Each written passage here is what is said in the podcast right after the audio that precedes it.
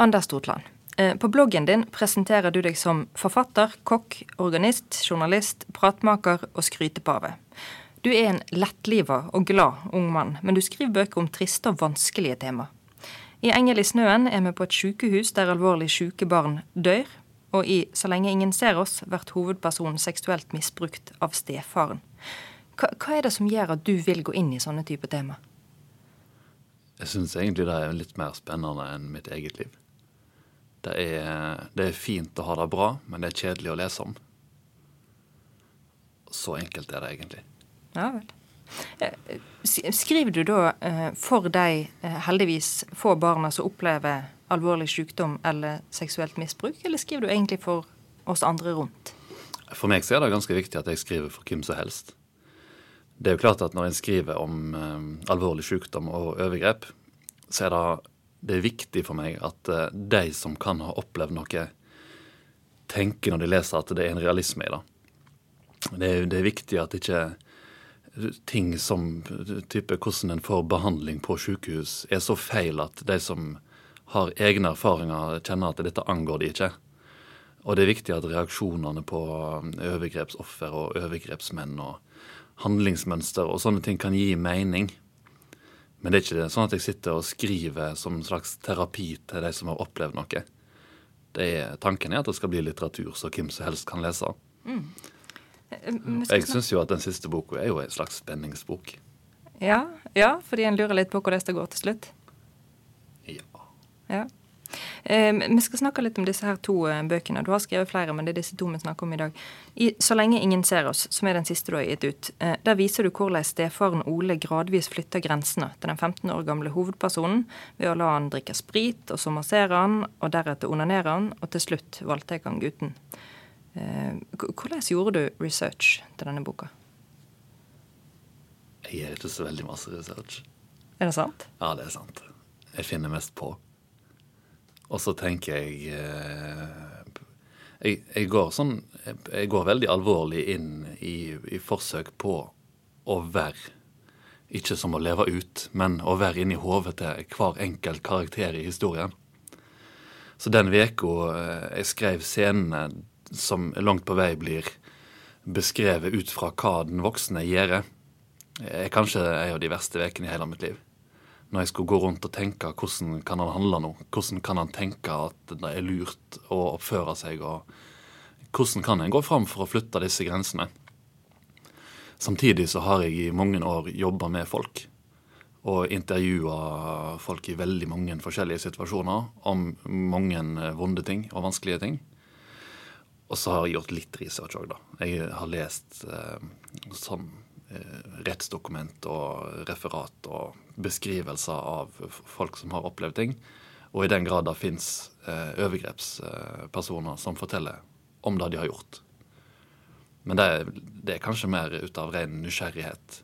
Som er jo litt samme grunn til at jeg skriver om disse tingene. Det er jo den nysgjerrigheten overfor ting som jeg ikke forstår. Mm. Så jeg har, jeg har, nok ikke gått inn og tenkt at nå gjør jeg research. Men jeg har kanskje skrevet om denne tematikken pga. at jeg tidligere har lest om det og, og kjenner folk, har møtt folk og snakket med folk som har opplevd ting eh, som jeg bruker. Og får, alle som skriver, får jo av og til spørsmålet skriver du om deg sjøl. Og mitt svar er nesten alltid at nei, jeg skriver om deg. For alle har erfaringer som kan brukes på et vis. Og mine erfaringer er ikke utelukkende det jeg har opplevd. Det er jo da alle inntrykk jeg har fått via andre òg. Mm. Du, I denne her eh, 'Så lenge ingen ser oss' eh, viser du hvordan hovedpersonen Jon sjøl tar ansvar for disse overgrepene, fordi han var med på det som skjedde. Eh, og fordi mora nekta han å snakke om det. Og Da viser du hvordan han trekker seg vekk fra vennene fordi alt blir vanskelig når han må bære på denne vonde hemmeligheten. Hvor viktig er det for deg å vise fram disse her antageligvis ganske typiske psykiske mekanismene etter et overgrep? Det er jo kanskje litt inni det samme igjen at jeg, jeg, har skrevet en roman. Og jeg vil fortelle en god historie. Så det som gjør det viktig for meg å få det til å fungere som en historie, er egentlig det som er poenget mitt. Eh, hadde ikke det vært nødvendig for å gjøre historien troverdig og god, så hadde jeg kanskje ikke gjort det. Jeg driver ikke med terapeutisk litteratur. Men om, om det kan vise noen eh, som leser at andre òg har det sånn, og de kan forstå at det er helt unødvendig å tenke de tankene, selv om en gjør det helt naturlig, så er det fint. Men det er ikke, det er ikke et sånn planta budskap fra min side at nå må alle ungdom forstå at det er de voksne i seg sjøl. Derimot så er det viktig for meg å ikke gjøre det motsatte. Det har jeg jobba med i dette manuset her. Hva tenker du på? Sørger for at det på ingen måte kan være et inntrykk som de unge sitter igjen med av at det kan være deres sjøl. Så om jeg ikke går inn for å, å preike noe budskap om at det er de voksne i seg sjøl, så skal jeg i alle fall ikke bidra til det motsatte.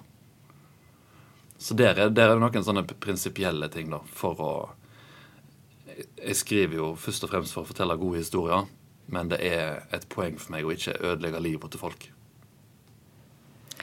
Eh, og så nevnte du 'Engel i snøen'. Det er tittelen på boka du eh, ga ut i fjor. Ei bok om et barn som ligger på sykehus med alvorlig sykdom. Du, du skriver eh, aldri hva sykdom det er, eller hva avdeling dette er, men, men, det er mye som tyder på at det kan være snakk om kreftavdelinger. Enkelte av de andre pasientene får flytte hjem igjen, andre dør. Hvis det er mulig å spørre sånn, hva, hva vil du fortelle oss med denne boka? At noen får flytte hjem igjen, og andre dør. Du er ganske hard med oss. Ja. Det er ganske, det er en ganske trist historie. Det tar, altså For en voksen leser så tar boka kanskje 17-18 minutter å lese. Jeg pleier å si til ungdom at de kan lese på bussen hjem. Hvis de leser litt sakte, så må de kanskje lese både til og fra skolen. Men eh, de rekker det som regel, da. Og på den tida så er det flere som dør, og flere du forstår at har dødd. Eh, så for ungdom så er det kanskje det å leve seg inn i hovedpersonen som er det som er vondest. Mens fra voksne lesere så har jeg blitt fortalt at det er kanskje det å forstå etter hvert hvordan livet er for faren til hovedpersonen, som er det vondeste. Og det syns jeg er fint. At ulike lesere kan sitte igjen med ulike historier. For det blir jo fortalt nesten ingenting her. Du får heller ikke vite om det er en gutt eller jente som er hovedperson. Mm. Det blir ikke antyda en eneste plass. Ja, da lurte jeg på hvorfor er det slik. Jeg syns det er litt fint, jeg. Men det handler jo det, I utgangspunktet så var det ikke noe jeg gjorde helt bevisst, men så forsto jeg jo etter hvert at nå har jeg jo faktisk gjort dette. Da kan jeg fullføre det. For en må, en må jo velge vekk noen formuleringer. og og en får aldri et navn. Og med tanke på når en bygger opp en historie, så er det viktig å ha en god identitetsfigur eh, som, eh, som en kan kjenne seg igjen i og få et tett forhold til. Og Da er det jo ofte nyttig å ha et navn, i det minste. Og ha et tydeligst mulig bilde. Mens jeg har på en måte gått helt andre veien og tenkt at alle skal kunne relatere seg til denne hovedpersonen ut fra egne forutsetninger og premiss. Eh, så når jeg, når jeg har lest eh, hele boka for en skoleklasse på 40 elever, og spør etterpå eh, hvor mange som tenkte at hovedpersonen var jenta og hvor mange som tenkte at det var en gutt, så deler klassen seg nesten alltid på midten. For det er jo ikke sånn at en begynner å lese, og så lurer en. Du lurer aldri på om det er en gutt eller en jente hvis du leser boka. Da vet du omtrent fra første øyeblikk. Og så blir det aldri korrigert, for det kommer jo ingen informasjon som skulle tilsi noe annet. Så du får bare hele tida bekrefta det du allerede har bestemt deg for å tro, sånn ubevisst. Mm. Og det syns jeg jo egentlig er et ganske fiffig grep, da, om vi får se det sjøl. ja, ja, jeg er enig med deg. Og så overrasker det meg veldig hvis jentene tenker at det er jenter. For det er jo ofte slik at en gutt og en mann blir oppfatta som en slags standardperson. Så da ville jeg egentlig trodd at de fleste tenkte det var det. Ja, det er en god del som tenker at det er jenter. Og det syns jeg er veldig fint. Er det sånn at jentene tenker det er jente, og guttene tenker det er en gutt? Nei, det er ganske blanda. For det er en del gutter som tenker at denne personen er for jentete. Det er for mye føleri og Og så er det jo det er en scene inni boka spesielt der hovedpersonen eh, forteller om savnet etter å sitte attmed ei som heter Silje, på pianokaken. Og, og, og tenke på den varme skuldra inntil og den søte lukta. Som eh, mange leser jo noe romantisk inni. Og da kan jo hende det. Men for meg så kan det jo fortsatt være både jente og gutt. Og kanskje er det bare et godt vennskap. Det går eh, jo fint like godt an å savne en god venn. Mm. Du, eh, du, nevnte at det gjerne er folk som begynner å, å grine når du, eh, når du, presenterer dette. For du, du, leser litt for boka, og så spiller du litt eh, piano. Jeg leser hele boka. Du leser hele boka? På en skoletime så leser jeg hele boka mens jeg spiller piano. Ja, ja, Så slipper elevene å lese henne etterpå? Du trenger aldri lese henne. Du blir så glad når jeg forteller det i starten av opplegget. Hvis de bare sitter fint og hører nå i neste 39 minutter, så trenger dere aldri lese denne boka her. Og allikevel så forteller bibliotekarene meg at eh, med en gang jeg har gått, så kommer ofte de kuleste guttene i klassen og spør om har vi den boka her på skolen. Stilig. Da blir jeg veldig glad. Ja, det forstår jeg. Og når du da holder på med dette her, du, du leser eh, hele boka, du spiller piano, det blir mye stemning til sammen når du holder på med dette her, så går det inn på folk. Eh, Kronprinsesse Mette-Marit har sagt at hun grein når hun leste denne her eh, boka. Hun er jo et menneske, hun òg. Ja, hun er jo et menneske. Og jeg er et menneske. Jeg grein òg. Eh, er dette her vel så mye en bok som skal treffe et voksen publikum? Jeg skal og skal. Det er veldig fint hvis eh, jeg kan ha et voksen publikum og et ungt publikum. Og Boka blir jo markedsført som ei ungdomsbok. Men jeg skrev jo ikke noe ungdomsbok. Jeg skrev et manus som jeg sendte til Gyldendal og skrev at eh, jeg har skrevet en roman. Han er veldig kort. Jeg tror dere kommer til å si at det er en ungdomsroman. Derfor sender jeg det til den eh, redaksjonen, så får dere sende det videre hvis dere er uenige. Så da, det, det, slo ikke meg før jeg var ferdig, og jeg så at jeg hadde lagd et, eh, et, et, karakterregister av ungdom. Og da, Med mindre en plasserer handlinga på 70-tallet, så blir det jo da ofte ei ungdomsbok.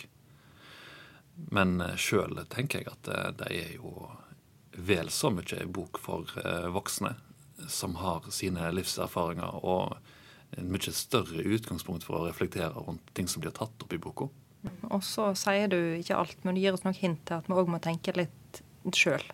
Hva slags type tilbakemeldinger bruker du å få på denne boka? Det er veldig mange som syns det er trist. Det er veldig mange som syns det er fint. Og så er det en del som er veldig fortvilte av at de ikke får vite alt. Men det er enda flere som syns det er så fint at jeg har skrevet sånn og sånn og sånn. Og så, og så blir jeg litt for, like forundra hver gang. For jeg har jo ikke skrevet noe av det de sier til meg. Det kan komme to-tre stykker bort etter den samme økta og si 'Å, det var så fint da du skrev om den', og det som skjedde der. Så må jo jeg si at men det der er det du som har funnet på. Det står ikke i boka.